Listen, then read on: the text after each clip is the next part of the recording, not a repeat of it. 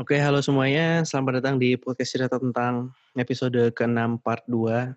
Sekarang udah tanggal 12 Ya, beda dari Juni. part 1. Nah, beda dari part 1. Eh, ini kami recording di hari selanjutnya. Tapi sekarang setengah satu malam. Ya, nggak apa-apa lah. Yang penting kan udah beda hari kan. Jadi kesannya, wah beda hari nih. Ya. oh, Lanjut nih.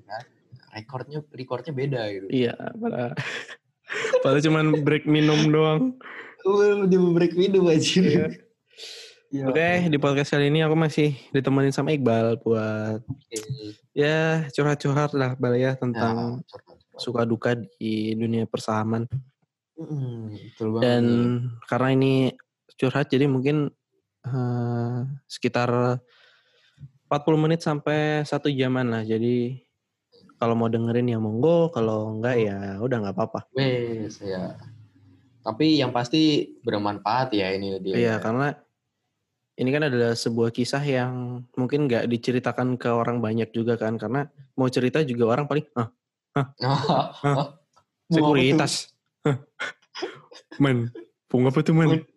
Udah teman. Pung puyo. Oke. Karena nggak semua orang paham. Paham ya, nggak semua paham joke itu memang buat kelas-kelas tertentu aja semua joke itu memang. Oke lanjut bal. Kenapa Oke. lu milih saham daripada investasi yang lainnya? Kan ada reksadana tuh. Ya, jadi kenapa gua pilih saham daripada reksadana yang pasti ini sih Del. Analisis sih Del. Jadi kalau kita di reksa di saham tuh yang pertama analisis kita tuh diuji gitu loh. Iya sih benar. Nah, yang mana eh, semakin kita menganalisis perusahaannya semakin bagus, semakin bagus kita memilih perusahaan, maka cuan yang kita dapatkan tuh lebih besar gitu loh. Mm-mm. Jadi pintar-pintarlah memilih perusahaan gitu loh. Khususnya saham gitu. Daripada kalau eh kenapa kalau nggak reksadana yang pasti kalau reksadana tuh eh, dana kita tuh di- dikelola oleh manajer investasi ya Dil ya. Iya benar. Jadi kita nggak turun langsung di investasinya. Jadi dana kita tuh dikelola lagi Hmm. kemudian disalurkan ke perusahaannya ya Dil ya. Iya benar. Nah, Hmm. jadi kita ambil contoh reksadana karena mungkin reksadana adalah investasi yang ibaratnya masih satu kandang lah ya bal sama Ya, itu. sama saham karena Ah. Hmm. mudah dan nggak terlalu susah. Hmm. Jadi eh, bedanya nih Bal ya kayaknya intinya itu saham itu manual, Iya. Eh, reksadana, itu matic auto. atau autopilot bahkan autopilot Iya. karena kita memang bener-bener tahu bersihnya doang. Hmm, jadi kita setor uang ya udah gitu kan. Eh, ntar ada Iya. ada orang yang sangat-sangat ahli dalam Oh. menginvestasikan. Intinya orang yang sangat bijak lah yang Ya, ada- menempatkan- ada lordnya ya. iya ada lordnya yang dia lah yang bakal ngehandle duit kita. Nah, kalau lu nih kenapa nih? Kenapa milih saham tuh daripada reksadana? Karena bukannya reksadana ini juga digandrungi nih oleh pemuda-pemuda mahasiswa. Iya sih, kenapa eh, nih? bener. soalnya kan mudah kan. Hmm, Nah, ya cuman bener analisis lu tadi kalau ya kita belajar gitu loh. hmm. Karena jujur aja gue kan bego matematika gitu, Bal. Iya, betul betul. Nah, anda, gua tahu anda, anda tahu, anda tahu sekali ya sepertinya ya. Iya, oh iya, Karena sudah- hidup Anda. Oh iya, enam tahun kan sama saya kan. Jadi, jadi ya tau lah anda kehidupan matematika saya seperti Iya. apa ya. Iya, kalau kita berjumpa di jalan, eh, deal, deal. Eh, matematika hebat nggak? Oh, Justru kalau kalau bilang enggak itu aneh. aneh, Pak. Iya, aneh, itu Pak. aneh. Jadi harus bilang iya. Iya. jadi iya. itu bal jadi alasan gue eh, milih karena aku juga pengen belajar analisis terutama tentang data yang berkaitan dengan angka ya karena jujur aja aku sekarang ngerasa bahwa apa yang matematika yang dipelajari di sekolah dulu tuh ya ya sudah gitu yang berguna cuman Iya. kali bagi tambah kurang doang Iya. atau Nah, yang per per itu atau persen-persen udah itu doang jadi Itu aku juga doang. pengen apa ya eh, belajar tentang istilah sederhananya kalkulator dagang lah tanda kutip Oh, betul banget dah. Yang pasti itu tuh kita analisis tuh berguna buat di kehidupan kita kan Bener, analisisnya. heeh, karena apa ya analisis ini kan juga perlu ibaratnya tuh nggak bisa salah-salah gitu bahwa jadi kita juga Iya. eh, melatih algoritma dalam berpikir gitu kan. Nah, ya bagaimana kita ngambil keputusan. Eh, memanage uh, kehidupan kita tuh bisa tuh dari analisis saham Heeh. tuh bagus banget anjir belajarnya. Iya kalau mau memang belajar. Tapi ya itu eh buat kalian yang memang nggak suka terlalu mikir atau Mhm. eh, ngerawat tentang sesuatu, jadi kayaknya lebih enak reksadana deh buat kalian yang Iya. memang benar-benar mau lepas tangan terima bersihnya Iya. doang. Tapi bukan berarti nggak dapet cuan ya, Dil. Dapat juga, cuman nggak sebesar saham ya, Dil. ya. Nah itu juga perbedaannya saham sama reksadana. Saham itu bisa menghasilkan keuntungan mungkin sekitar 25 sampai 30% lebih itu masih bisa. Cuman kalau reksadana memang hanya di 15 sampai 20 persenan, Bal. Hmm, yo, jadi cukup kecil ya, walaupun Iya. ya digandrungi pelajar gitu. Mm-mm. Ya karena it- balik lagi, Bal. Semua investasi finansial kayak gini menganut hukum Newton ketiga. Iya, Sebenarnya aksi, nggak investasi doang sih.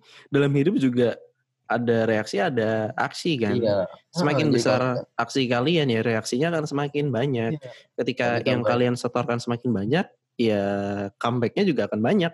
Gitu aja sih Iya. sederhananya.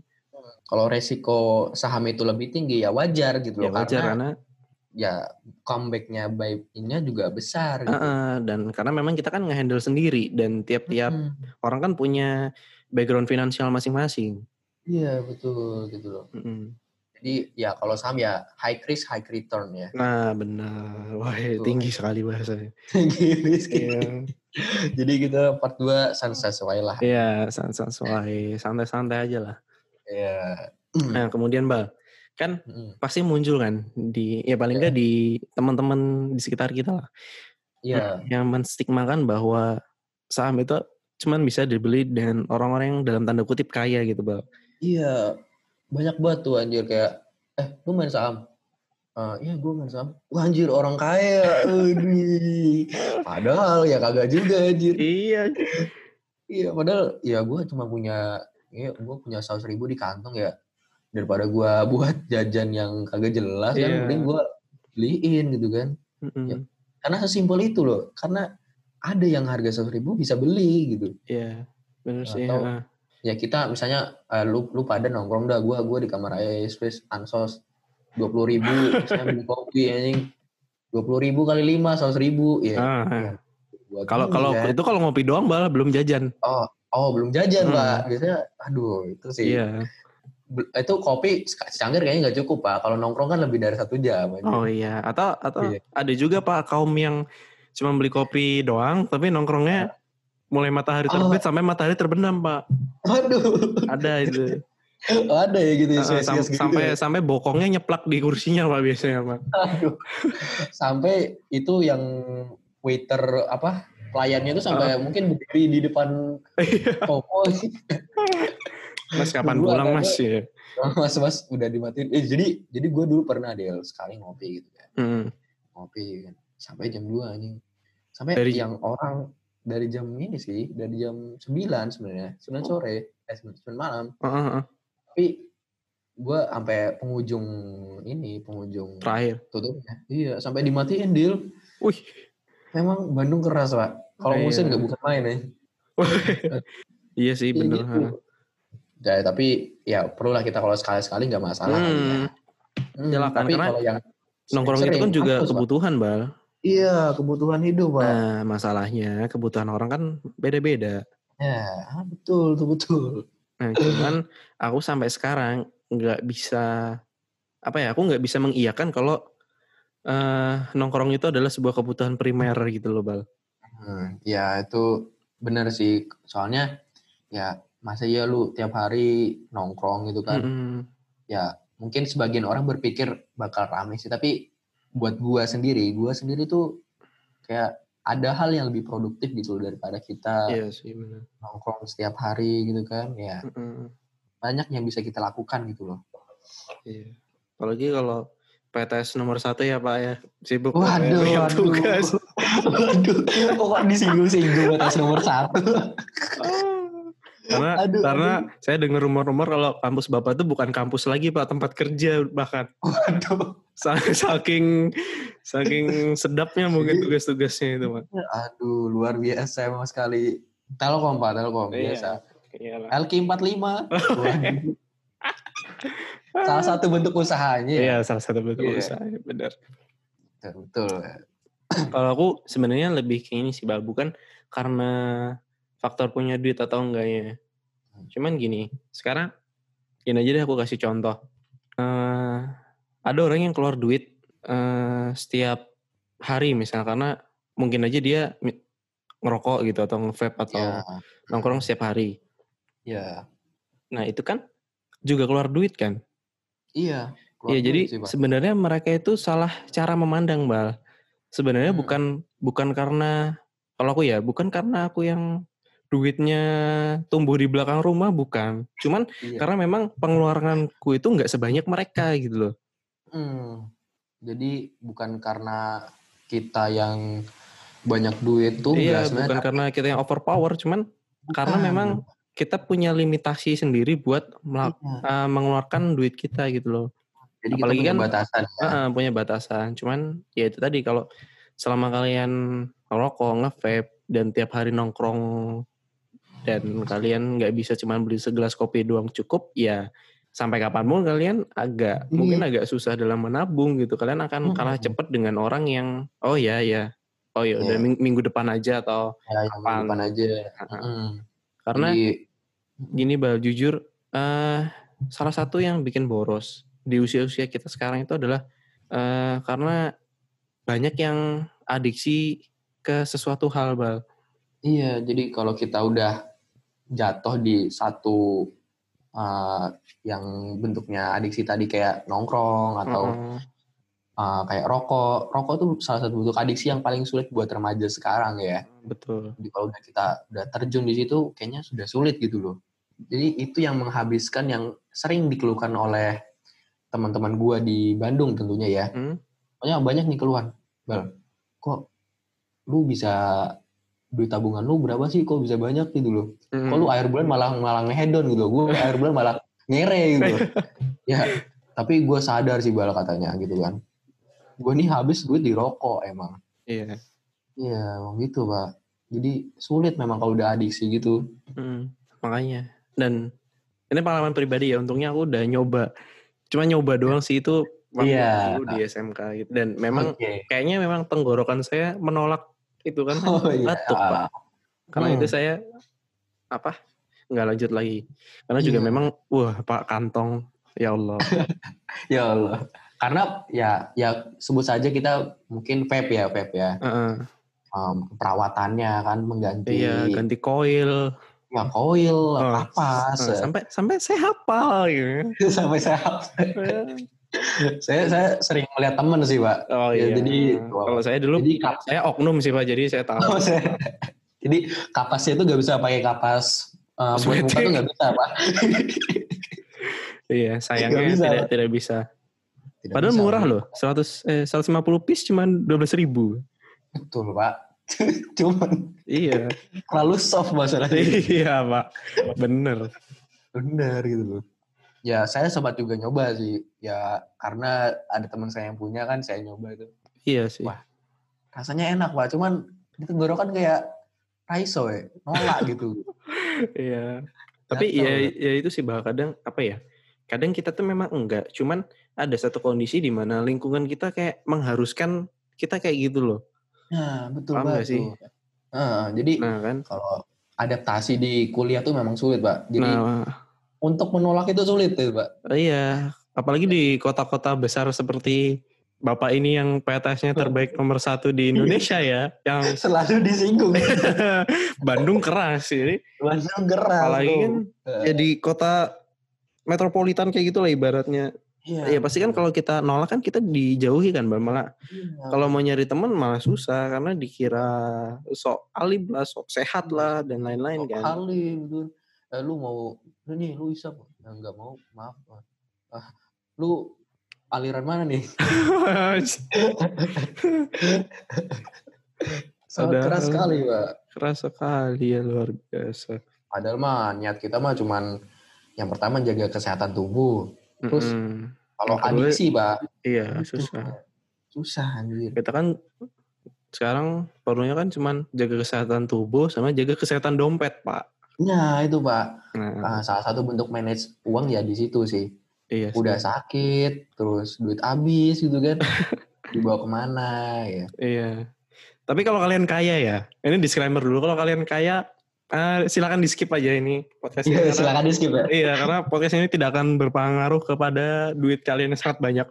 Ini hanya Iya. berlaku untuk kaum kaum yang ya standar lah, so-so standar. masih. So, Cuma mid kalau to low. Oh iya, mid to low atau mid to mid nggak apa-apa. Cuman kalau kalian Iya. sudah bergelimang harta, ya silakan skip Iya. saja karena Ya, ini tidak bagi- penting, ini tidak penting.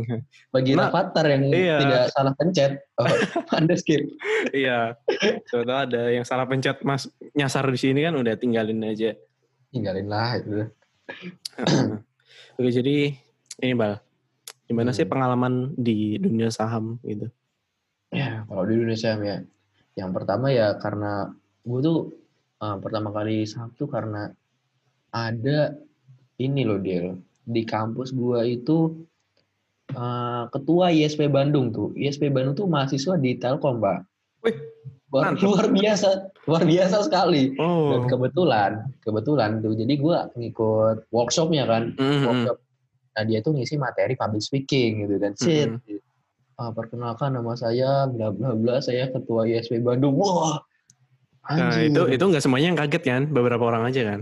oh ya enggak semua Ah, orang kaget lah Mungkin dari Ya, 25% lah yang anu, yang Iya, ngeh kan. jadi eh, ketua apa sih ISP kan internet Hmm. service provider anjing. Tapi gua kan tahu kan kalau ISP ini apa investor saham pemula kan. Ah, ah, yes. Wah. Jadi sebelumnya gua udah tahu terus di kampus ada ketua ISP Bandung dan kebetulan cewek, Pak. Oh. Aduh, cewek. Dan lumayan. Misalnya lo oh. gimana ya kayak kayak udah dia udah ketua ISP gitu kan. Ah, Tapi cutting lah, cutting lah. Oh iya, ya ibaratnya udah melek secara ilmu akademis tapi ilmu Iya. finansial juga melek ya Pak ya. Mantap Wah, ya Pak ya. biasa. Mantap sekali, Pak. Dia memanage hidupnya aja udah kayak manage. Iya, udah bagus apalagi memanage rumah tangga ya Pak, keuangan rumah Iya. tangga. Nah, baru-baru ini saya dengar kabar ya, Pak. Iya. Udah, ada tangan, Pak. Waduh. Tuh. Sayang sekali Bung. Udah udah udah tua sih, udah. Udah tuh. Saya mah masih saya mah Iya, masih cari-cari yang baru-baru aja lah. Iya, jadi-. Ini dia ngisi public speaking kan, public speaking tuh. Jadi uh, dia ngasih materi kan. Materinya uh, cara dia public speaking di seminar workshop Mm. uh, yang dihadiri dia. Jadi uh, perkenalkan nama saya ini ini, ini. saya sebagai ketua ini itu. Uh, jadi uh, indeks saham kali ini uh, cenderung menurun. Nah, jadi dia tuh ngisi materinya itu dari uh, pengalaman dia sebagai ketua ISP gitu loh. Kalau sebagian orang ngeliat kayak ya apa sih nggak paham gitu loh. Tapi gue agak paham gitu kan. Anjir keren juga kan. Terus Mm. terus dia ada jelasin keuntungan yang saya peroleh dari uh, investasi saham saya bisa uh, bayar kuliah saya sendiri gitu kan Wih. oh Allah dalam hati ya Allah di Berarti berapa main main gede kayaknya Pak. Lumayan kenceng kayaknya pak itu berapa lot ya kayaknya untuk sebagai ketua ISP ya Kenceng deh kayaknya. Anu Harus dari kenceng. dari mukanya kelihatan nggak dari kerajaan mana ini? Sal? ah lihat dari kerajaan Sunda sih pak Oh, Sunda iya. Empire kayaknya pak jadi kalau dia sampai gugur pak Oh iya. stabilitas dunia Iya, anjing. IHSG juga anjlok tuh jangan-jangan. Wah iya betul pak, betul. jadi berangkat dari situ, gue Heeh. jadi uh, tertarik banget buat buka RDN gitu kan. Iya. Set. Nah, baru gue, eh sebelum itu kan gue ada nanya-nanya kan ke lu kalau apa sih dulu sekuritas sekuritas yang bagus kan? Ah. Tapi itu belum belum ini belum take action gue. Iya, iya. Baru pada saat itu gue anjir keren banget anjing. Boleh lah kalau boleh lah kayaknya ya. Soalnya gue udah uh, jauh dari orang tua gitu kan. Mm-mm. Jadi eh, tidak ada salahnya buat saya untuk mengolah uang yang diberikan dari orang tua untuk digunakan dengan baik. Salah satunya adalah investasi gitu kan. Iya, benar. Hmm, gitu. Jadi cuan cuan cuan gitu loh. Nabung stagnan loh. Malah cenderung berkurang gitu loh. Iya, biaya Lihat. admin. Iya ngelihat uh, rekening di bank, wah ya walaupun gede, ya pasti kita cenderung untuk ngambil gitu kan. Iya, Berbeda benar. dengan saham, Pak. Berbeda dengan saham. Kalau saham kita udah menabungkan di sana, ya udah itu berbentuk berupa lot gitu. Mm. Yang di mana kalau kita tunggu itu kan berupa tahun gitu, berupa Ya betul. itu bagi dividen gitu. Dan bisa kita jual lagi. Nah itu Nah, untungnya iya gitu. sih. Jadi uh, uang uang apa sih dia uang aman, uang safe, safe money. Naon eta? apa nih ya bahasa itunya juga pokoknya uang aman itu ada lah gitu loh Oh iya. ya nah salah satu bentuk uang amannya di berupa saham kalau seandainya gue butuh sesuatu yang urgent Mm-mm. itu bisa jadi opsi buat gue gitu Iya sih bener. Ha, Setuju sih. Walaupun di apa di tingkat finansial yang lebih tinggi eh, investasi itu nggak memang nggak boleh digabung dengan dana darurat sih sebenarnya. iya ya sebenarnya nggak boleh sih Heeh, cuma kan karena kita kan juga masih tanggungan sama orang tua kan bal. Jadi ya ibaratnya ya insya Allah tiap keluarga kan punya dana daruratnya masing-masing yang di cover sama orang tua. Jadi kita Nah. memang benar-benar ya bisa fokus di investasi itu. nah itu pak jadi eh, mau gimana ya dana darurat cuman kita perlu sebagai anak kos gitu kan yang mungkin ada tiba-tiba yang urgent gitu, waduh duit mana ini? Oh, Iya. bisa jadi sebagai Heeh. opsi kita buat wah menjual saham kita gitu kan. Iya. Bisa juga. Karena kan s- eh, buat teman-teman yang belum tahu bahwa penjualan ketika kita udah punya saham ya Bal ya, misalnya pengen dijual itu bisa di hari itu juga. Iya. Nah, di bahkan ada yang hitungan detik doang ketika kalian pencet tombol jual, kemudian Iya, masukkan iya PIN dan lain-lain, ya udah tinggal tunggu aja masuk ke rekening kalian ada. Hmm. Iya, ya sesimpel itu kan Dil. Iya, iya maksimal tiga hari lah Bal paling. Iya. Ya ya nggak terlalu lama juga kan. Mm, soalnya kan gini ibaratnya kan eh, di umur kayak kita gini kan urgensi kan juga nggak terlalu banyak ya bal kebutuhan yang dalam tanda kutip yang maksa kita buat eh, ngeluarkan dana emergency gitu misalnya dan kalau toh ada mungkin buat di umur yang masih pelajar masih banyak dispensasi pak jadi contohnya Iya. gini misalnya nih Iya, iya, iya. masuk rumah sakit pak Iya, masuk rumah sakit. bisa bayar nih Nggak bisa bayar. ya itu aja tinggal bilang aja entah bikin surat keterangan atau apa gitu ya misalnya Ah. kayaknya bisa deh soalnya kan cuma tiga hari kan Iya. jadi ibaratnya eh, buat jaminan itu kita juga masih bisa Hmm. Jadi bikin surat Mbak, Mbak ini saya belum bisa Iya, Mbak. Mbak, Mbak, Heeh, tiga hari lagi deh Mbak. iya kalau begitu dilihat 100 slot enak pak? Waduh, begitu dilihat oh, dua tiga kok, du, kok dua tiga gitu. Anda bayar kamar Anda ya Iya. bisa. ntar tiba-tiba eh, selamat siang mas kami dari kepolisian Eh, jadi kamu besok eh, kamu boleh eh, tidur dan saya rawat di sini, tapi untuk infusnya kamu cucuk sendiri. Oh iya atau infusnya air keran Oh iya. iya Oh kamu dehidrasi, ya udah pakai keran itu cucuk iya sendiri. tinggal keran aja udah Iya gitu. iya sih kurang lebih juga sama sih aku sama Iqbal Ya. Kayak pasti ada triggernya sih Dil ya. Mm. Mungkin trigger trigger gua sih karena itu tadi udah jauh dari orang tua. Ini loh kesempatan kita buat Iya. ngelola gitu loh pak. Mm-mm.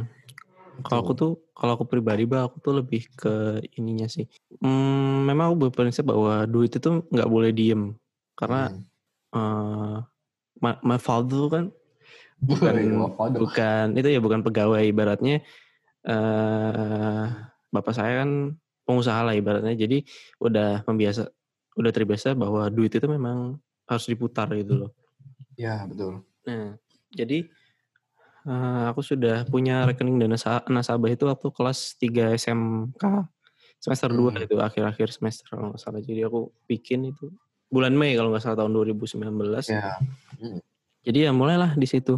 Dan itu sama sekali buntu bal, Oh iya. karena temen juga nggak ada kan, karena memang eh, waktu itu kan memang baru baru musimnya campaign yuk nabung saham kan. Ya Jadi, itu ya. Emang belum terlalu gencar lah ibaratnya. Ah. Nah, cuman ya karena aku kan juga misalnya mau tahu tentang sesuatu ya skill kepo saya kan sama dengan intelijen badan intelijen nasional pak. Jadi Oh, iya, kalau iya. saya udah kadung kepo hmm, saya Iya, harus diselidiki ya harus diselidikin. Mm-mm. apa gitu kan? Dan dan mental kayak gitu yang sebenarnya diperlukan oleh eh, setiap investor gitu. Apalagi yang memang yang baru-baru yang ya kepo lah tentang dunia finansial gitu. Jangan cuma ngepoin hidup orang lain kan. Waduh iya benar sih benar sih jadi dan ada banyak uh-uh, hal yang bisa kita kepoin gitu loh yang bermanfaat buat kita ya salah satu itu tadi. Kepo di dunia saham gitu waduh. Soalnya finansial finansial tuh ya penunjang untuk kehidupan kita gitu. Betul. siapa sih yang nggak butuh uang gitu. Hmm. ini Warren Buffett pernah bilang bahwa eh, uang tidak akan mampu membeli segalanya. Tapi itu ada komanya pak ternyata. Oh ada pokoknya ya nah kata selanjutnya kayak gini tapi segalanya kalau kamu mau bilang itu, pastikan uang kamu sudah banyak. iya Artinya, gini loh, uang memang nggak bisa uh, membeli segalanya. Cuman segalanya juga nggak bisa terbeli kalau kita nggak ada uang gitu kan. Nah, Bukan itu, Pak. karena materialistis, cuman gini, guru eh dosen antropologiku pernah bilang bahwa materialistis itu bukan konotasi yang negatif sebenarnya karena Ya. materialistis itu kan eh, logis karena ya logis realistis karena juga ya kita kan menuntut ada gitu. Contohnya aku Iya. pegang pulpen, Mm-mm. tapi nggak ada pulpennya, tapi aku bilang pulpen. Pasti orang nggak Iya. percaya kan, karena memang ma- percaya, materinya nggak ada. nggak ada nah pak itu ada sebenarnya yang iya yang apa? Yang agak miskonsepsi di masyarakat. Tapi ini eh, di dalam dunia finansial ya. jadi ya materialistis itu penting pak seben- sebenarnya ya Bener sih. Mm. Jadi kalau kita tuh nggak nggak memwujudkan bentuknya kayak orang bakal nggak percaya gitu. Mm-mm, orang bakal nggak percaya. Dan di sisi lain yang pengen aku invest itu gini bal, mumpung umur masih muda, harinya kan Iya. beban nggak terlalu banyak. Mm-mm. Tanggungan Dan- belum ada ya. Eh, tahap ibaratnya pengeluaran yang bener-bener buat keluarga kan juga nggak ada kan karena juga belum Iya. ber- berkeluarga jadi memang bener-bener betul, masa-masanya enak dan bayangkan gini misalnya nih eh, kita kan kuliah bal. Ya kuliah kita nih. misal eh, jadi misalnya dalam sekian tahun kita investasi gitu. Hmm. Eh, kan tentu akan berlipat ganda kan nilainya. Iya, ya memang tapi depend on situation dan depend on market condition gitu loh. Tapi iya betul. eh analis ekonomi pernah bilang bahwa setiap tahun eh, ekonomi itu bakal selalu anjlok. Iya. Nah, ta- tapi, tapi nah ya di Iya. saat yang bersamaan Betul. dia akan membaik seiring waktu gitu loh. iya, Dan saham bukanlah sesuatu yang kita beli hari ini besok dijual, enggak. iya enggak. Saham adalah sesuatu yang benar-benar kita hold sampai sekian tahun baru kita ambil. Hmm. Bahkan lebih dari lima tahun juga bisa Iya ya dulu ya. bahkan mu- heeh, bahkan kalau misalnya memang mau diwariskan ke anaknya kan juga juga bisa, gitu Bisa. loh. Gitu. Jadi uh, depend by the situation ya. Mm-mm. depend by the situation. Kalau misalnya kalau kalian berpikir eh, oh perusahaannya anjlok nih, Mm-mm. gue gak percaya buat saham, ya jangan gitu dulu. Lihat eh, forecasting juga eh, ke depannya itu apa sih yang bakal dimajuin dari perusahaannya gitu. Ya oke lah, misalnya kita ambil contoh Telkom. Telkom sekarang lagi anjlok, Betul. kualitasnya lagi nurun gitu kan IndiHome gitu kan bentuk usahanya. Tapi ke depannya Telkom bakal membuka 5G Mm-mm. tahap gitu loh di mana ya itu setiap orang bakal beralih ke yang bakal lebih baik kan nah itu secara tidak langsung eh, produknya dipakai oleh masyarakat banyak walaupun sekarang jelek tapi di masa depan pasti akan membaik gitu. Yang seiring berjalannya waktu kan ya Bal ya. hmm, itu weh. Iya sih. Tapi ini kita ngomong tentang kondisi ekonomi perusahaan ya, bukan tentang isu yang sedang iya iya di situ. iya tapi kondisi ekonomi perusahaannya Nah, karena bagaimanapun eh, karena kita adalah investor, otomatis kita akan berusaha membela perusahaan itu sebaik mungkin. iya betul banget Iya, karena itu kan juga bentuk rasa optimisme kita terhadap perusahaan itu kan, Bal. Nah, optimisme kita di perusahaan tuh penting, Mbak. Jadi keyakinan kita untuk uh, berpikir positif perusahaan ini bakal maju ya penting juga sih. Iya, benar. Tapi kira-kira ada ini nggak bal? Ada trouble nggak sih selama di dunia investment ini? Trouble sih yang pasti karena passive income saya belum ada kan pasti Hmm, ya jadi kita perlu nabung nabung nabung Benar. dulu baru beli baru beli. berbeda kalau misalnya saya sudah punya penghasilan sendiri pak mungkin Mm-mm. bisa saya beli Nah, langsung mungkin iya sih benar. oh itu pak Eta pak terus ya kita sebagai anak anak ya mahasiswa gitu kan Mm-mm. terus kegiatan kampus ya seperti UKM mungkin Iya. BEM yang di mana ada ya, kalau ada tahu danus dana usaha itu pasti Hmm. kita mengucurkan dana pak buat Iya, acara benar. nah apa uang-uang tidak terduga itu yang cukup banyak nah itu di situ pak keluhan saya di bagian invest gitu di situ sih Iya sih. Hmm. ya padahal kayak pas awal pembagian gaji anjir anjir gaji pembagian Siap. sudah mengalokasikan dana buat ini ini ini sudah gitu Mm. kan tapi ah, ternyata di tengah jalan ada gitu kan ada event wah aduh ini harus beli baju lah inilah wah Iya ya sih. udahlah di situ sih beratnya sih Dil Heeh sih. Apa ya kayak keperluan mendadak yang benar-benar sama sekali nggak nggak direncanakan gitu kan, Bang? iya gitu pak ya mungkin di tengah jalan kita juga ada perlu beli obat karena sakit itu Nah, juga iya sih. Ya. itu pak nah Betul. kalau lu apa nih Dil keluhan-keluhan anda sudah invest gini Keluhannya kadang ini aja sih, Bal. Suka karena salah satu keadaan jadi harus dijual gitu loh sahamnya. oh ya Heeh. Dan juga kan karena WFH kan, jadi Hmm. nggak ada duit bulanan kan. Iya bener pak, bener. Masa ya, ah, mah, mah, ah, minta dong. Ya kayak gak Iya, enak ja- gitu. jangan ngemis, jangan. Investor Jangan. tidak boleh ngemis, ingat. Waduh, nggak boleh ya pak. Nabung, kalau mau nabung. Oh ya, nabung, nabung. Iya. Tapi kalau tiba-tiba dikasih ini udah investkan aja ya, udah nggak apa-apa lah. Ya. Oh ya udah nggak apa-apa lah ya. Kalau dikasih mah nggak apa-apa bang. Hmm. Nggak minta kok. iya. Iya. Kalau aku lebih ke ini sih bal. eh kemarin itu kan bahkan aku ada sempat jual seki, kalau nggak salah sekitar empat lotan.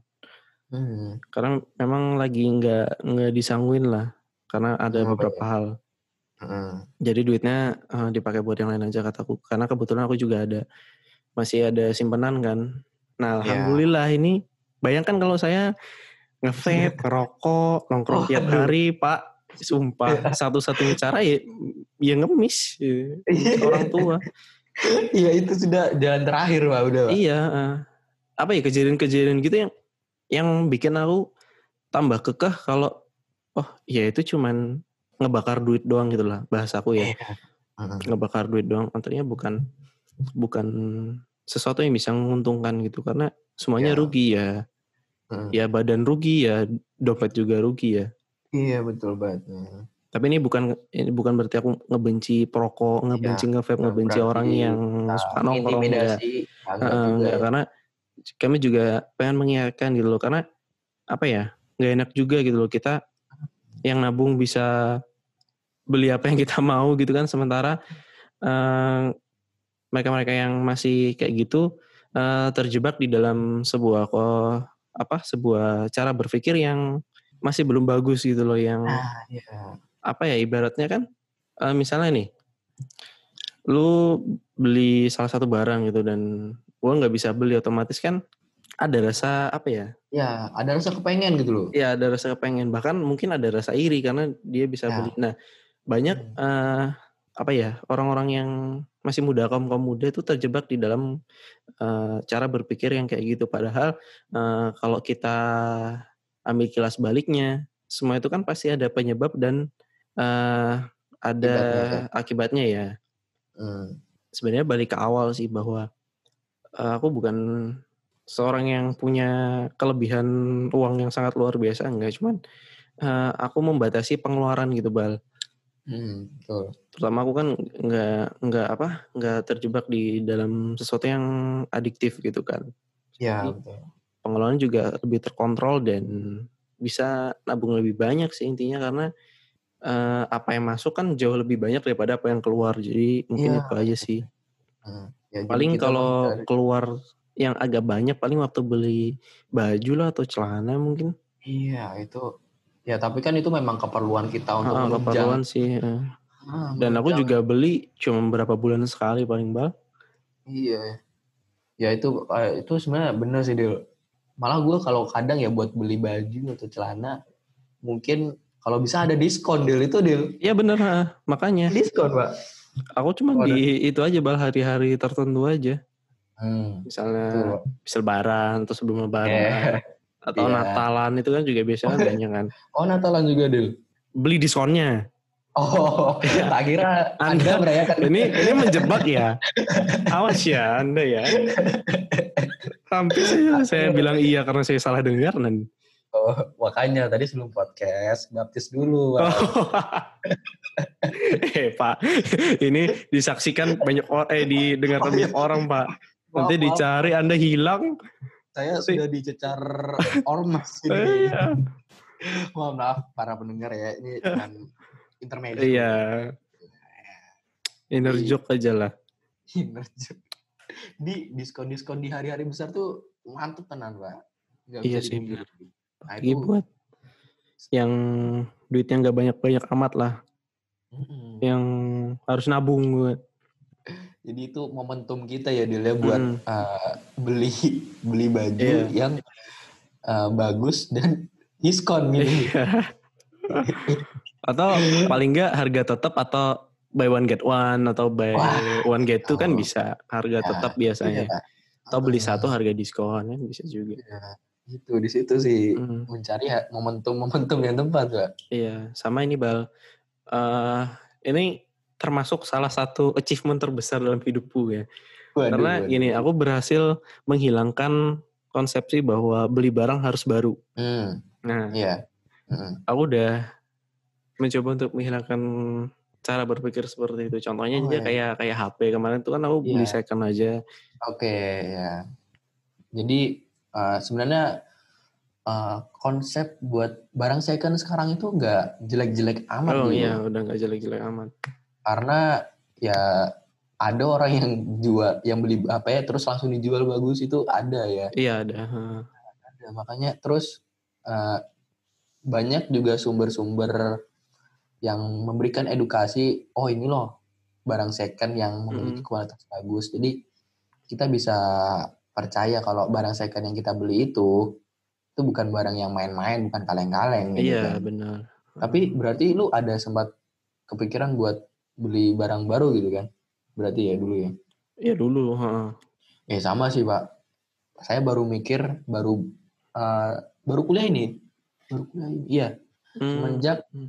semenjak uh, ada salah satu toko jual HP di di daerah kita ya Hmm. Kalimantan Selatan, di mana dia uh, trik marketingnya tuh cukup bagus gitu loh. Dia menjual HP second, Hmm. tapi dengan kualitas yang cukup bagus dan harganya miring gitu loh. Nah, Ya kalau anda tahu ya, ya, iya ya, iya. tahu lah. Karena Nah, ya kami tidak Jadi itu- disponsori ya. jadi- tidak disponsori ya kalau Iya. anda mau serahkan gitu. ya jadi baru itu dia baru bisa percaya kalau oh barang second ternyata bagus juga gitu kan. Mm. Boleh lah gitu. Ya apa ya? Selama hal- barang-barang yang ya barang-barang umum lah ya, bukan barang-barang pribadi. Ya. Jangan beli celana dalam bekas, gitu, baju dalam Iya. bekas. Jangan. Cuma-cuma kalian, Mbak. Iya, Anda gatal-gatal nanti. Anda kena eh, sifilis, Iya. eh, herpes. ya. Iya. Kecuali kalau masih kayak yang kayak jaket, hoodie kan gitu kan banyak kan. Apa thrift apa thrifting? Ya thrifting, thrifting. apa sih? Ya. Nah, ya Thrift, itulah pokoknya. Nah, itu kan juga bisa kan. Itu barang bekas atau barang reject sih sebenarnya? Thrifting tuh. Barang- Ada yang barang bekas, ada yang barang black market, ada juga. Pak. Tapi Ada yang rejectan masih bagus juga ada deh kalau nggak salah. Ada, ada. Nah, makanya kan harganya miring karena ya bisa lah. Gak apa-apa sih karena aku juga udah berusaha buat tidak begitu menghiraukan kata orang gitu loh. karena gini sih, sederhana sih mending mending aku beli sesuatu yang bekas cuman eh masih flagship gitu loh bal daripada ngemaksain beli sesuatu yang baru cuman ya biasa aja gitu loh Hmm, Ya, iya benar juga sih dulu ya. Jadi kita harus menghiraukan kata-kata orang gitu, Pak. ya karena Demi nggak akan selesai pak Iya, ini kalau dengar kata orang nggak ada habis-habisnya sih. Hmm. itu sih intinya itu dia. iya sih sebenarnya Mm-mm. Jadi ya apa sih lu beli barang bekas yang jelek anjing? Padahal mah eh ini mah masih bagus anjing. Iya, bukan hal yang Oh. tabu lah sekarang ya. Ya bukan hal yang tabu sih. Kayak kayaknya itu deh. Yang beli-beli baru tuh ya ya mungkin dengan finansial yang bagus ya oke lah Heeh. beli baru apa-apa sih. Tapi kalau bisa kita memotong uh, outcome dengan baik ya kenapa tidak Iya, gitu kan. lagian kan barang dengan kondisi yang sama gitu loh Bali Baratnya. Iya. Ya paling cuman agak bocel-bocel dikit lah, nggak apa-apa kan paling. Iya, iya, Misalnya HP apa-apa. paling lecet doang, itu juga paling Iya. nggak kelihatan. Hmm, kan bisa ditutupin ya dulu ya. Heeh. ya kita apa ya paling nggak memang ada dua sih bal ada ada ada yang gengsi dan ada memang Hmm. orang yang benar-benar nyari eh, rasa satisfying dari kita beli sesuatu yang baru tadi Iya betul betul. Eh, kan misalnya rasa unboxing Mac Oh, baru gitu kan pasti kan Iya, berbeda dengan yang beli Iya. bekas kan Nah, Iya. cuman kembali ke diri masing-masing kalian memang nyari value dari experience tadi atau memang cuman ya daripada beli baru mending kan beli sesuatu yang bekas dengan kondisinya juga kurang lebih aja gitu kan. Iya betul. Ya, gue sih poinnya sih kenapa kita bisa meminimalisir outcome-nya gitu loh. Mm-mm. Untuk ya karena kenapa kita bisa itu ya supaya pemasukan kita tuh lebih besar daripada pengurangan gitu loh. Walaupun kita menghabiskan duit ya minimal uh, lebih diminimalisir gitu lah. Ya Gitu direm lah. Direm lah gitu loh. Mm.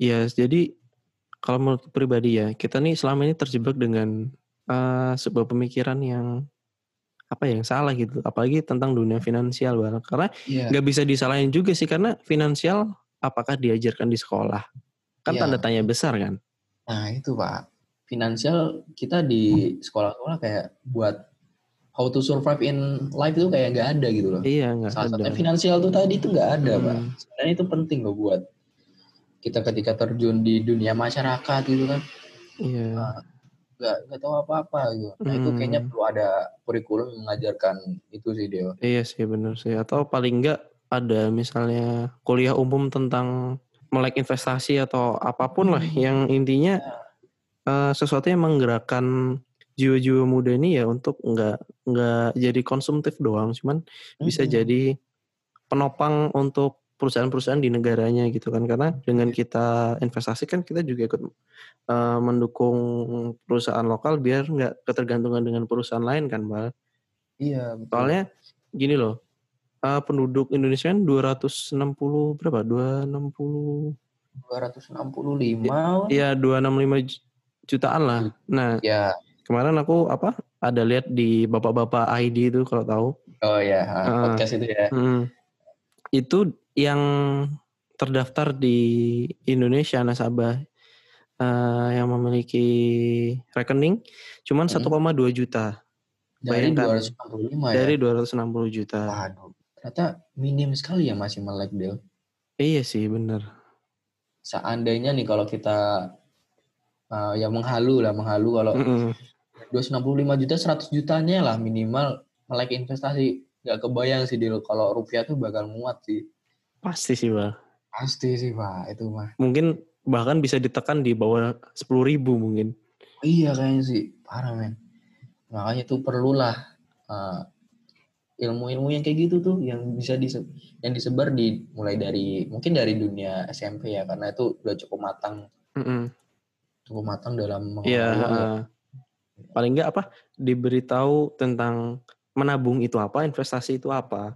Iya, Nah, mungkin gitu. di di apa di SMA-nya bisa diadain uh, seminar-seminar dari sekolahnya mungkin atau mungkin dari bursa efek uh, kantor cabang perwakilan mungkin bisa ya ngasih seminar-seminar ke sekolah-sekolah gitu. Karena juga banyak sih yang belakangan ini kan karena campaign yuk nabung saham kan apa tahun ini kan tahun ini sama tahun kemarin kan memang lagi ya kencang-kencangnya ya. kan bal ya betul betul.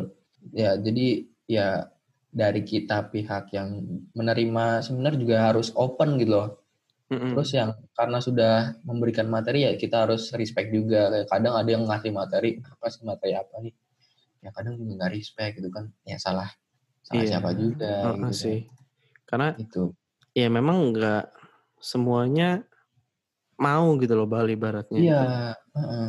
Karena nggak semua orang siap mempertaruhkan duitnya gitu loh. Iya, siap mempertaruhkannya diputer. Nah, Di situ, Pak. itu problemnya. Problemnya di situ, Pak. Nggak- Makanya ya banyak ya di isu-isu beredar di masyarakat ya banyak beredar investasi bodong itu sih, Pak. Itu Mm-mm. sih yang menyebabkan banyaknya orang masih kurangnya rasa percaya sama investasi gitu. Iya. Makanya cenderung lebih memilih menabung atau warisan. Gitu, Pak. Gak bisa dipungkiri lagi itu, Pak. Iya sih. Padahal ya saham tuh kan nabung. Diwariskan Iya. juga bisa. Mm-mm. Kurang apa gitu loh maksud gue. Kurang apa gitu loh, Bro. Tinggal tinggal Nah. nabung-nabung doang udah selesai. Nah, kalau misalnya kita nabung, Deal, nah lu nabung nih di umur 19, lu tabung, tabung, tabung, lu meninggal di umur 25, nauzubillah nih. Tapi lu udah punya anak. Anjir. Anjir. Iya iya iya. Terus baru sadar dia di umurnya 17 tahun, ternyata bapaknya punya tabungan. Iya. Ternyata di buku tabungannya 50 juta misalnya. Eh, Heeh. pas ditaruh di bank, ah, maaf dek, ini sisa 50 ribu, kena potongan adminnya banyak. Oh, ngeri bener aja 50 juta jadi 50 ribu. Serem bener. Ya, seserem ya daripada gitu kan mending investasi kan, Deal. Iya sih. Jauh, Pak. Sebenarnya. heeh. Sebenarnya itu.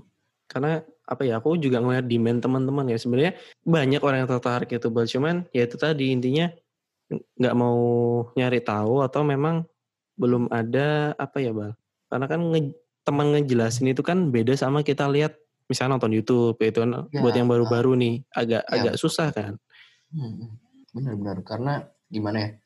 Kayak teman sendiri tuh kita teman deket kalau kalau nggak melihat teman terjun tuh kayak oh, nggak mau ngikut pak gitu. Pak. nah karena-. Nah, kita sudah mau sistem tumbalisasi pak Iya, Iya kita memang tumbalisasi itu. memerlukan tumbal Tumbalisasi. Lu Iya. dulu dah, lu dulu dah. mulai dulu dulu sudah sudah ada tumbalisasi itu sudah ada Iya, sudah gitu, anjir, anjir. Apa ya dulu? foto pak Waduh, foto. kenang-kenangan anjir, gua ganti foto teli dulu dah kalau lu mau foto anjir. Yang lebih keren anjing. Kamu teli punya yang keren ya? Hati-hati anda diculik Aduh, aduh, aduh. nanti. Aduh, aduh, maaf ini podcast saya lupa kadang kelewatan memang. Iya, nggak apa-apa lah namanya bercanda ya. Iya, gitu. Asal nggak bercandain si bapak-bapak kumisan. Iya. Ah, udah, udah, nanti aku hilang. eh, eh, eh, eh, podcast Anda sudah didengarkan ke. Hati-hati. Bahaya. Bahaya, bahaya, ya. Oh ya kita mau jawab satu pertanyaan terakhir nih Bal. Oke. Eh, pertanyaan yang ditanyakan oleh dosen saya. Waduh, dosen nih. Anda salah. Auto. Ya, ya berpengaruh ke nilai uas nih nanti jangan. Jangan salah satu komponen UASnya pertanyaan random kayak gini nih. Jadi pertanyaan bapaknya adalah kira-kira sekarang mending buy atau enggak? Kalau Iqbal sendiri mending buy atau enggak, Bal? Oke, bentar ya. Gua lihat-lihat dulu nih. Hmm. Kalau atau ngeliat? atau atau gue aja dulu. Oh, lu dulu dah, lu dulu dah. Sambil Iya. nyari-nyari. Sebagai anak mahasiswa, silakan, silakan. Hmm. Jadi Pak, Boleh. Ya, sebut dulu lah dosennya Pak. Pak, saya- Atau gak usah nih. jangan-jangan. Oh jangan lah, jangan lah ya. Nah, jadi Pak, jadi Pak dan teman-teman yang lain, eh kalau saya lihat di RTI bisnis ya, jadi RTI bisnis ini buat ngelihat apa pergerakan saham dan stock market dan lain-lain. Kalian bisa cari di RTI bisnis ini ada juga kok di Play Store, App Store dan lain-lain. Kebetulan aku lihatnya di web. Jadi kalau kita lihat dalam lima hari terakhir eh, kemarin itu IHSG sempat naik bahkan mencapai angka 5.139 di Nah, tanggal itu. Betul. eh, di awal perdagangan pada tanggal 9 Juni 2020. nah, pada saat itu eh, foreign buy atau pembelian yang dilakukan oleh asing atau luar negeri itu eh, semakin banyak atau cenderung hijau. Bahkan transaksinya sampai 19 triliun kalau nggak salah. Iya ya, aku ada baca. Nah, kemudian eh di tanggal 11 tanggal terakhir kemarin, IHSG anjlok ke 4.844.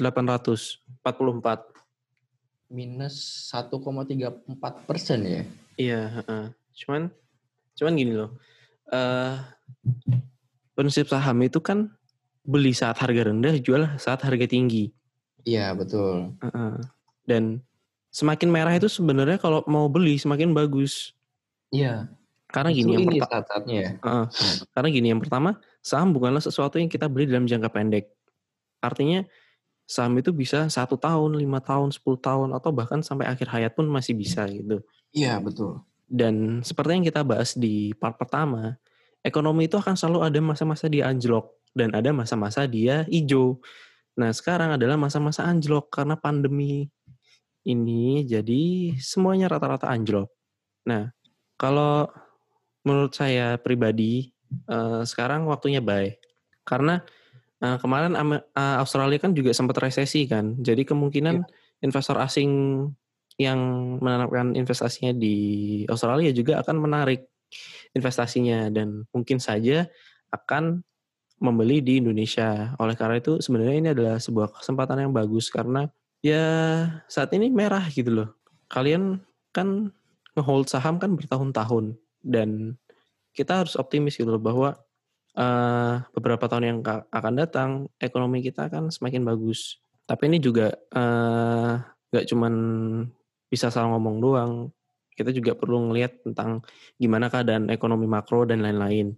Sebenarnya kalau kalian mau lihat-lihat tentang analisis-analisis gitu bisa aja eh, cari tentang saham apa nih yang kalian mau beli. Biasanya sudah ada analis yang menyarankan buy atau enggak. Contohnya kemarin ini waktu jadi aku kalau nggak salah eh, ngambil Unilever itu di tanggal 5 kalau nggak salah tanggal 5 atau tanggal berapa gitu sebelum hijau. Karena di hari sebelumnya ada analis dari MNC Sekuritas memang mengatakan buy. Jadi waktu itu aku buy dan itu buy di harga 4.100. Eh kok 4.100? 8.100. 8.100. Nah itu apa sebenarnya? Karena jam 1 8.050. Sorenya Hmm. 8.250. Nah, tapi sayangnya aku kemarin sempat eh, ngebit di 8.100. Padahal Hmm. kalau agak lebih awal sedikit bisa di 8.050. Artinya eh, pada saat itu kenaikannya cukup lumayan karena hijau kan. Mem- karena memang didasari bahwa beberapa hari yang lalu foreign buy-nya juga tinggi. Nah, sekarang eh foreign buy-nya minus bahkan minusnya sampai 254,8 billion dolar. Tapi gini loh, kata Lok Eng Hong, jadi Lok Eng Hong itu adalah Warren Buffett-nya Ya, Indonesia. Indonesia. Betul. Salah satu eh, yang menguji para investor adalah ketika eh, saham-sahamnya terpuruk gitu. Jadi Iya, memang betul. eh, kita perlu ini, Bang, memang perlu benar-benar mental yang ngehold sampai Iya. kapan pun gitu loh. Karena sekali lagi saham bukan sesuatu yang hari ini dibeli besok dijual, nggak kayak emas. Ya. Iya, kayak gitu. Karena harganya fluktuatif ya. Nah betul, Gak kayak emas yang cenderung naik terus. cenderung naik. Hmm. Heeh, berbeda. Jadi eh, kalau saran aku pribadi silahkan buy karena mumpung lagi merah ini kalau orang sering sebut lagi diskon ya walaupun apa ya mungkin ngelihat merah itu ya bikin kita pesimis Ya. bikin apa ya cuman ya itu tadi kita nggak hari ini beli bulan depan dijual itu enggak tapi buat Nggak. beberapa tahun ke depan ya ibaratnya semester satu nabung lah habis itu waktu wisuda silahkan dilihat pasti a- Ya, akan bertambah Iya. pasti itu betul. apalagi jaraknya Pasti. lumayan jauh kan mbak lima tahunan Iya. orang lima satu tahun. aja satu sampai tiga tahun aja udah kerasa kok Mm-mm, betul. apalagi ada dividen dan lain-lain Ya. misalnya lima tahun lima kali berarti kalau ada RU PSLB dua kali berarti 10 kali dividen misalnya lima tahun Kali. lumayan Lumayan, Pak. aja intinya kalau kalian memang mau main sorry bukan mau main karena saham bukan mainan jadi kalau Iya. kalian mau investasi saham uh, ditarget dulu kalian mau cuannya gimana. Kalau misalnya mau cuan dari selisih harga jual dan harga beli, ya silahkan di hold seminggu, sebulan, atau terserah kalian lah. Kalau mau main cepat aja, cuman perlu diingat bahwa analisisnya juga harus belajar, benar-benar belajar dan benar-benar yeah, paham oh. gitu.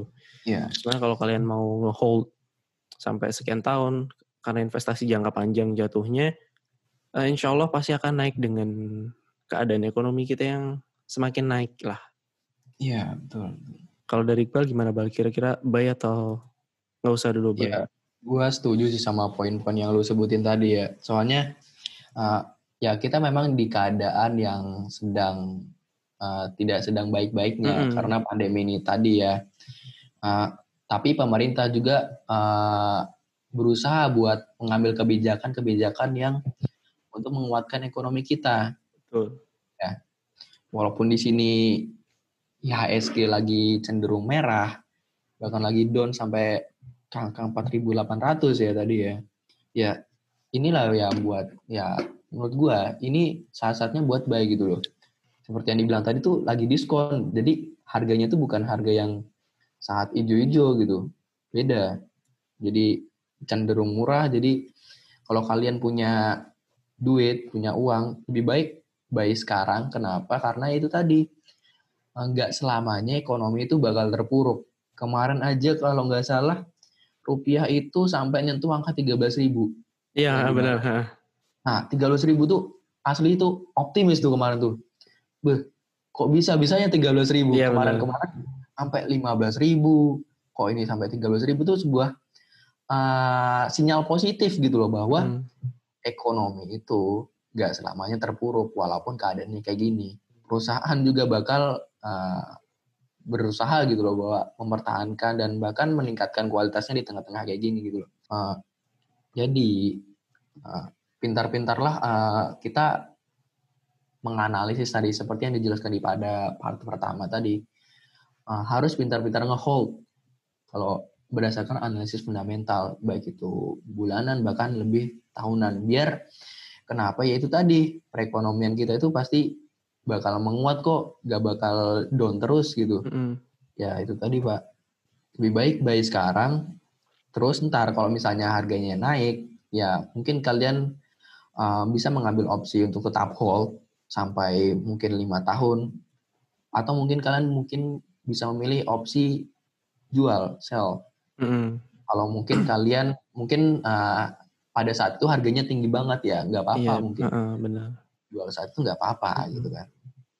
Ya, kalau misalnya ini kan lagi trennya lagi turun nih, ya lagi merah ya. Kalau misalnya kalian menggunakan analisis teknikal ya, yang mending buy juga sekarang. Terus pas iya, lagi naiknya lagi muncak-muncaknya naik, nah itulah saatnya kalian jual gitu loh. Yeah. Berasa kayaknya auto stong pak. Nggak bisa dipungkiri itu sih. Hmm. ya ini ya momentum sih deal iya sih momentum. bener.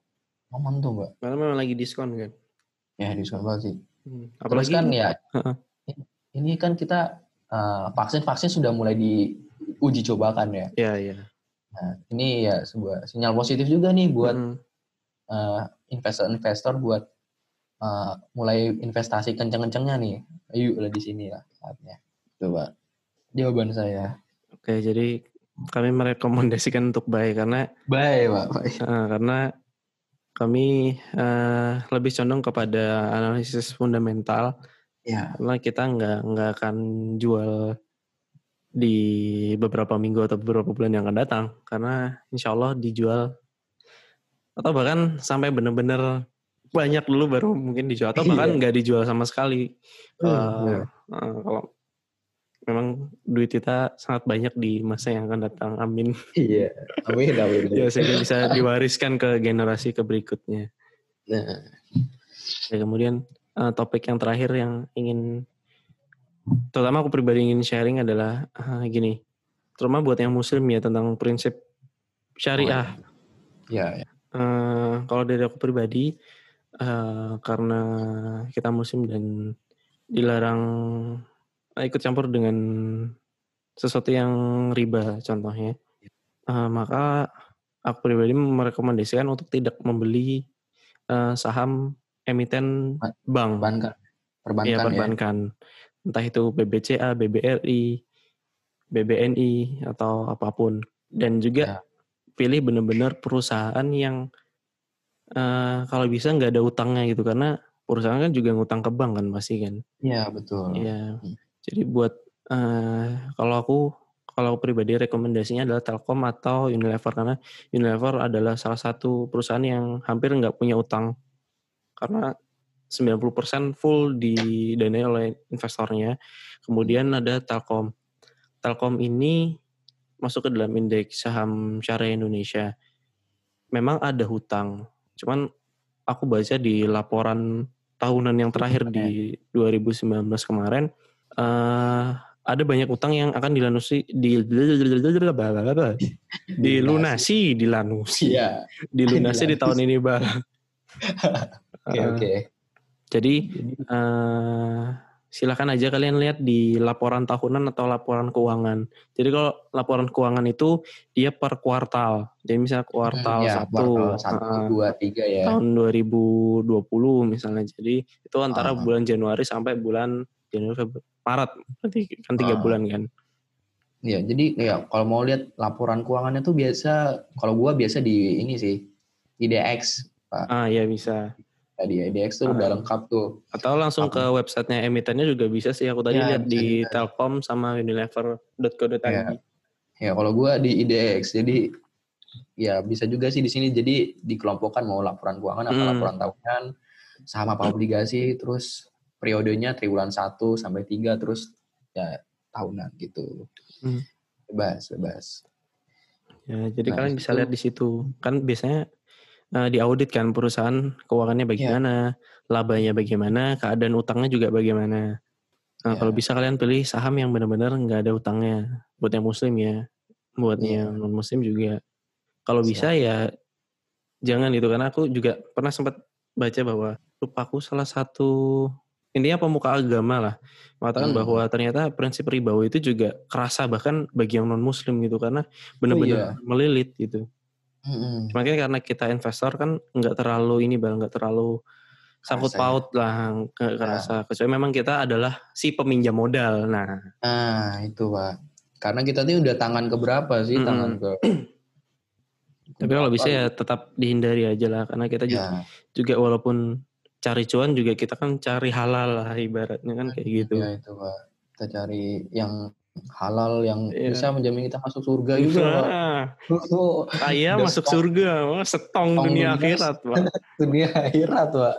Nah, Jadi malaikat di kanan kiri tidak bingung mencatat pahala Iya, dan dosa. Nah, Ini anak jajan terus nih, oh duitnya halal. Halal. Ya. Di, untuk diberikan yang halal. oh ini anak investasi tapi di investasinya bagus tapi ternyata di non syariah wah iya. atas sebelah mana Mm-mm. Tapi memang memang ya kalau mau cuannya banyak, silakan beli bank. iya BBRI contohnya B, karena BRI kan pencetak BUMN dengan laba terbesar tahun kemarin Iya, iya. tahun 2019. betul, betul. Iya, Silakan aja sih. Tapi aku merekomendasikan buat yang muslim ya jangan gitu. janganlah Hmm. BBRI atau BBC adil ya Iya, tapi. BBCA mahal. nah itu mahal Mm. Mahal Satu lotnya 2,8, 2,4 apa 2,8 ya lupa. waduh Mm. mahal banget anjir Iya. Oh iya kemudian ini karena aku condong kepada eh, pendapat bahwa rokok itu haram maka aku nggak nggak beli iya. perusahaan rokok ya gitu. GGRM Iya gudang garam contohnya. Gudang garam. Yang kayak gitu gitulah. jadi ya Hmm. kita harus berdasarkan ya agama kita juga ya Iya, ya, kalau prinsip. Prinsip-prinsip itu juga perlu diterapkan dalam Iya. melakukan investasi, Pak, supaya ya sukses dunia akhirat sih gitu. Iya. Prinsip. Dan juga apa ya bal? Karena ketika prinsip itu diterapkan juga perusahaan pasti akan bagus gitu. Iya, betul, betul. Oke mungkin kita langsung closing statement aja. Jadi Oke. Bagaimana, Bal? eh, persahaman menurut Iqbal adakah tips-tipsnya mungkin? Jadi persamaan menurut gue tips-tips ya. Jadi bagi uh, kita, gua dan kalian yang mendengarkan podcast ini, uh, ayolah kita mulai untuk uh, memanage uang kita gitu loh. entah itu kalian menabung atau investasi, tapi kalau berdasarkan apa yang sudah kita paparkan, sudah kita jelaskan di sini, bahwa investasi itu lebih banyak cuannya, lebih Hmm, banyak lebih untungnya menghasilkan. dibanding dengan lebih menghasilkan daripada menabung gitu loh. Ya kenapa? Karena ya baik itu menghasilkan secara finansial maupun menghasilkan secara uh, pemikiran. Pemikiran berubah, uh, kalian bisa menganalisis gitu loh. Kalian bisa dengan jalannya waktu kalian akan mudah dalam mengambil keputusan gitu loh. Hmm. Karena main untuk main ya. Untuk berinvestasi di saham itu perlu dengan ilmu, Pak. Bukan Betul. dengan judi-judi Hmm. itu tidak bisa gitu loh. Jadi bukan dimain-main tuh nggak bisa gitu. Nah, untuk tipsnya itu ya uh, mulailah itu, mulailah aja dulu, kemudian buka aja RDN dulu, minimal buka RDN dulu. Uh, untuk beli sahamnya ya kalian bisa sambil belajar dulu, baru kalian bisa beli sahamnya. Ya walaupun Hmm. itu cuma satu lot, tapi itu lebih baik daripada uh, kalian belum beli satu lot sama sekali, karena satu lot tuh bentuknya praktek ya lumayan bagus juga gitu loh. Iya, paling nggak ngerasain Salah dulu ya, Bal ya. Ya ngerasain dulu, waduh pengen beli satu lot berasa punya punya perusahaan dia anjir keren gitu kan. gitu Pak. Terus ya tadi pilihlah uh, sekuritas yang sesuai budget kalian. Kemudian pilihlah perusahaan yang sesuai dengan prinsip agama yang kalian anut di sini. Kemudian perusahaan yang mempunyai fundamental yang kuat. Kenapa? Karena ya saham high risk high return gitu loh.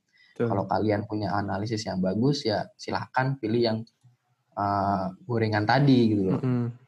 Tapi kalau ya tapi lebih mending pilih yang uh, ini blue chips karena fundamentalnya lebih kuat. Iya, gitu. betul, betul. Gitu sih. Iya sih. Ya, mungkin saran dulu ya kurang lebih aja sih sama Iqbal. Intinya eh, investasi adalah sesuatu yang menuntut kita untuk mau belajar dan terus belajar dan kita diajarkan tentang bagaimana cara kita eh, menginvestasikan duit kita. Artinya eh, duit kita nggak cuma ditaruh plek gitu doang, nggak tentang tapi bagaimana cara duit itu eh, terus berkembang dan semakin banyak semakin banyak. Karena kita walaupun masih disupport orang tua, cuman kan kita juga harus cari sesuatu yang menguntungkan gitu. Kita nggak nggak selamanya eh, menjadi beban untuk mereka. Dan ketika kalian melek finansial gitu ya, eh secara nggak langsung kehidupan atau pola akademis itu agak berubah juga sih bal. Terutama kalau Betul betul. udah bisa analisis dan lain-lain itu bakal kepake karena Iya, kebiasaan berpikir kita juga udah berubah nggak nggak kayak dulu lagi sekarang lebih uh, mikir bahwa kalau aksinya ini reaksinya itu semakin Hmm. besar ini maka uh, yang kembali juga akan semakin besar juga jadi uh, kalau aku pribadi kesimpulannya adalah saham adalah uh, sebuah investasi yang mengharuskan kita untuk tidak malas untuk belajar uh, salah satu investasi yang menurut kita untuk benar-benar bisa nge-manage duit kita terutama ya. Kemudian kemampuan kita untuk menganalisis pasar, menganalisis perusahaan itu juga juga sangat berpengaruh gitu buat diri kita terutama yang benar-benar dari awal belum pernah atau mendapatkan eh, tentang apa ilmu finansial gitu. Karena ilmu finansial itu adalah sesuatu yang bakal kita pakai sangat-sangat kita pakai. Apalagi ketika kita udah berkeluarga lah contohnya. Dan dari situ kita bisa belajar bahwa eh, ketika menaruh sesuatu yang tidak pada tempatnya ya ya akan hilang gitu loh. Karena eh, sesuatu eh, nggak diporsikan sesuai tempatnya. Jadi eh, kalau memang teman-teman mau saham silahkan saja. Atau enggak setelah podcast ini setelah mendengarkan podcast ini bikin aja eh, rekening dan nasabah di sekuritas apa pun terserah. Paling enggak bikin dulu bener kata Iqbal masalah kalian mau beli atau enggaknya itu eh, ya terserah teman-teman semua atau misalnya teman-teman mau belajar dulu juga silahkan paling enggak bikinlah dulu masalah yang lainnya insya Allah bisa berkembang di seiring be- berjalannya waktu oke mungkin itu aja Eh, terima kasih banyak untuk yang sudah mendengarkan part kedua ini. Eh, mungkin kita akhiri di part kedua aja. Cuman kalau memang ada perlu ada yang ingin ditanyakan silahkan aja nanti aku kasih kontaknya Iqbal atau kontakku juga di kolom Deskripsi. deskripsi. ya. Oke. Oke, terima kasih Iqbal yang sudah menemani di podcast kali ini. Ya, jadi gue terima kasih juga nih udah Ah. jadi tamu kehormatan. Wah, ya. Masya Allah, kamu Oh. kehormatan. Masya Allah. Oh, Akhirnya bisa ngomong sama teman yang bisa ngomong tentang investasi gitu loh sama teman. waduh. Karena kan iya, biasanya kan waduh. kita jarang kan ngomong tentang investasi. Iya, Pak. Jadi- kalau ngumpul-ngumpul kan. Ah, iya, Pak. Ya, ah, bunga petu. Iya ngumpul-ngumpul yang ditanya "Bu- bunga tuh? Eh, kan. Aduh, iya, Bang. Iya, Jadi oke. bincang-bincang kita kali ini cukup ah, dalam ya, tapi Mm-mm. ya gitu, Pak. Memang kita perlu kadang berdiskusi, kadang ngebacot-bacot. Gak jelas gini, ya gak jelas sih, emang jelas anjir. Iya sih. Heeh. Karena eh, maksud dan tujuan kita tuh sederhana sih. Yang jelas kita pengen eh, bikin orang-orang di sekitar itu tuh melek tentang investasi. Nah, betul, Pak. Sebenarnya tujuannya sederhana itu. Oke, jadi mungkin ini aja. Tetap semangat, tetap optimis bahwa ekonomi kita akan membaik seiring berjalannya waktu. Silahkan buka rekening dana nasabah di sekuritas apa pun. Masalah mau beli itu urusan belakangan. Yang penting kalian udah punya dulu. Kalian rasain aplikasinya dulu. Misalnya kalian ubek-ubek lah itu. Jadi yang mau manual silahkan ke saham. Yang mau autopilot silahkan ke reksadana. Nah, betul. Baik, terima kasih kepada yang sudah mendengarkan. Terima kasih juga kepada yang sudah bertanya. Semoga pertanyaan terjawab semua. Bila ada yang ingin ditanyakan lagi, silahkan DM Kontak. aku atau Iqbal di Instagram yang udah aku kasih di description box. Oke, terima kasih. Oke.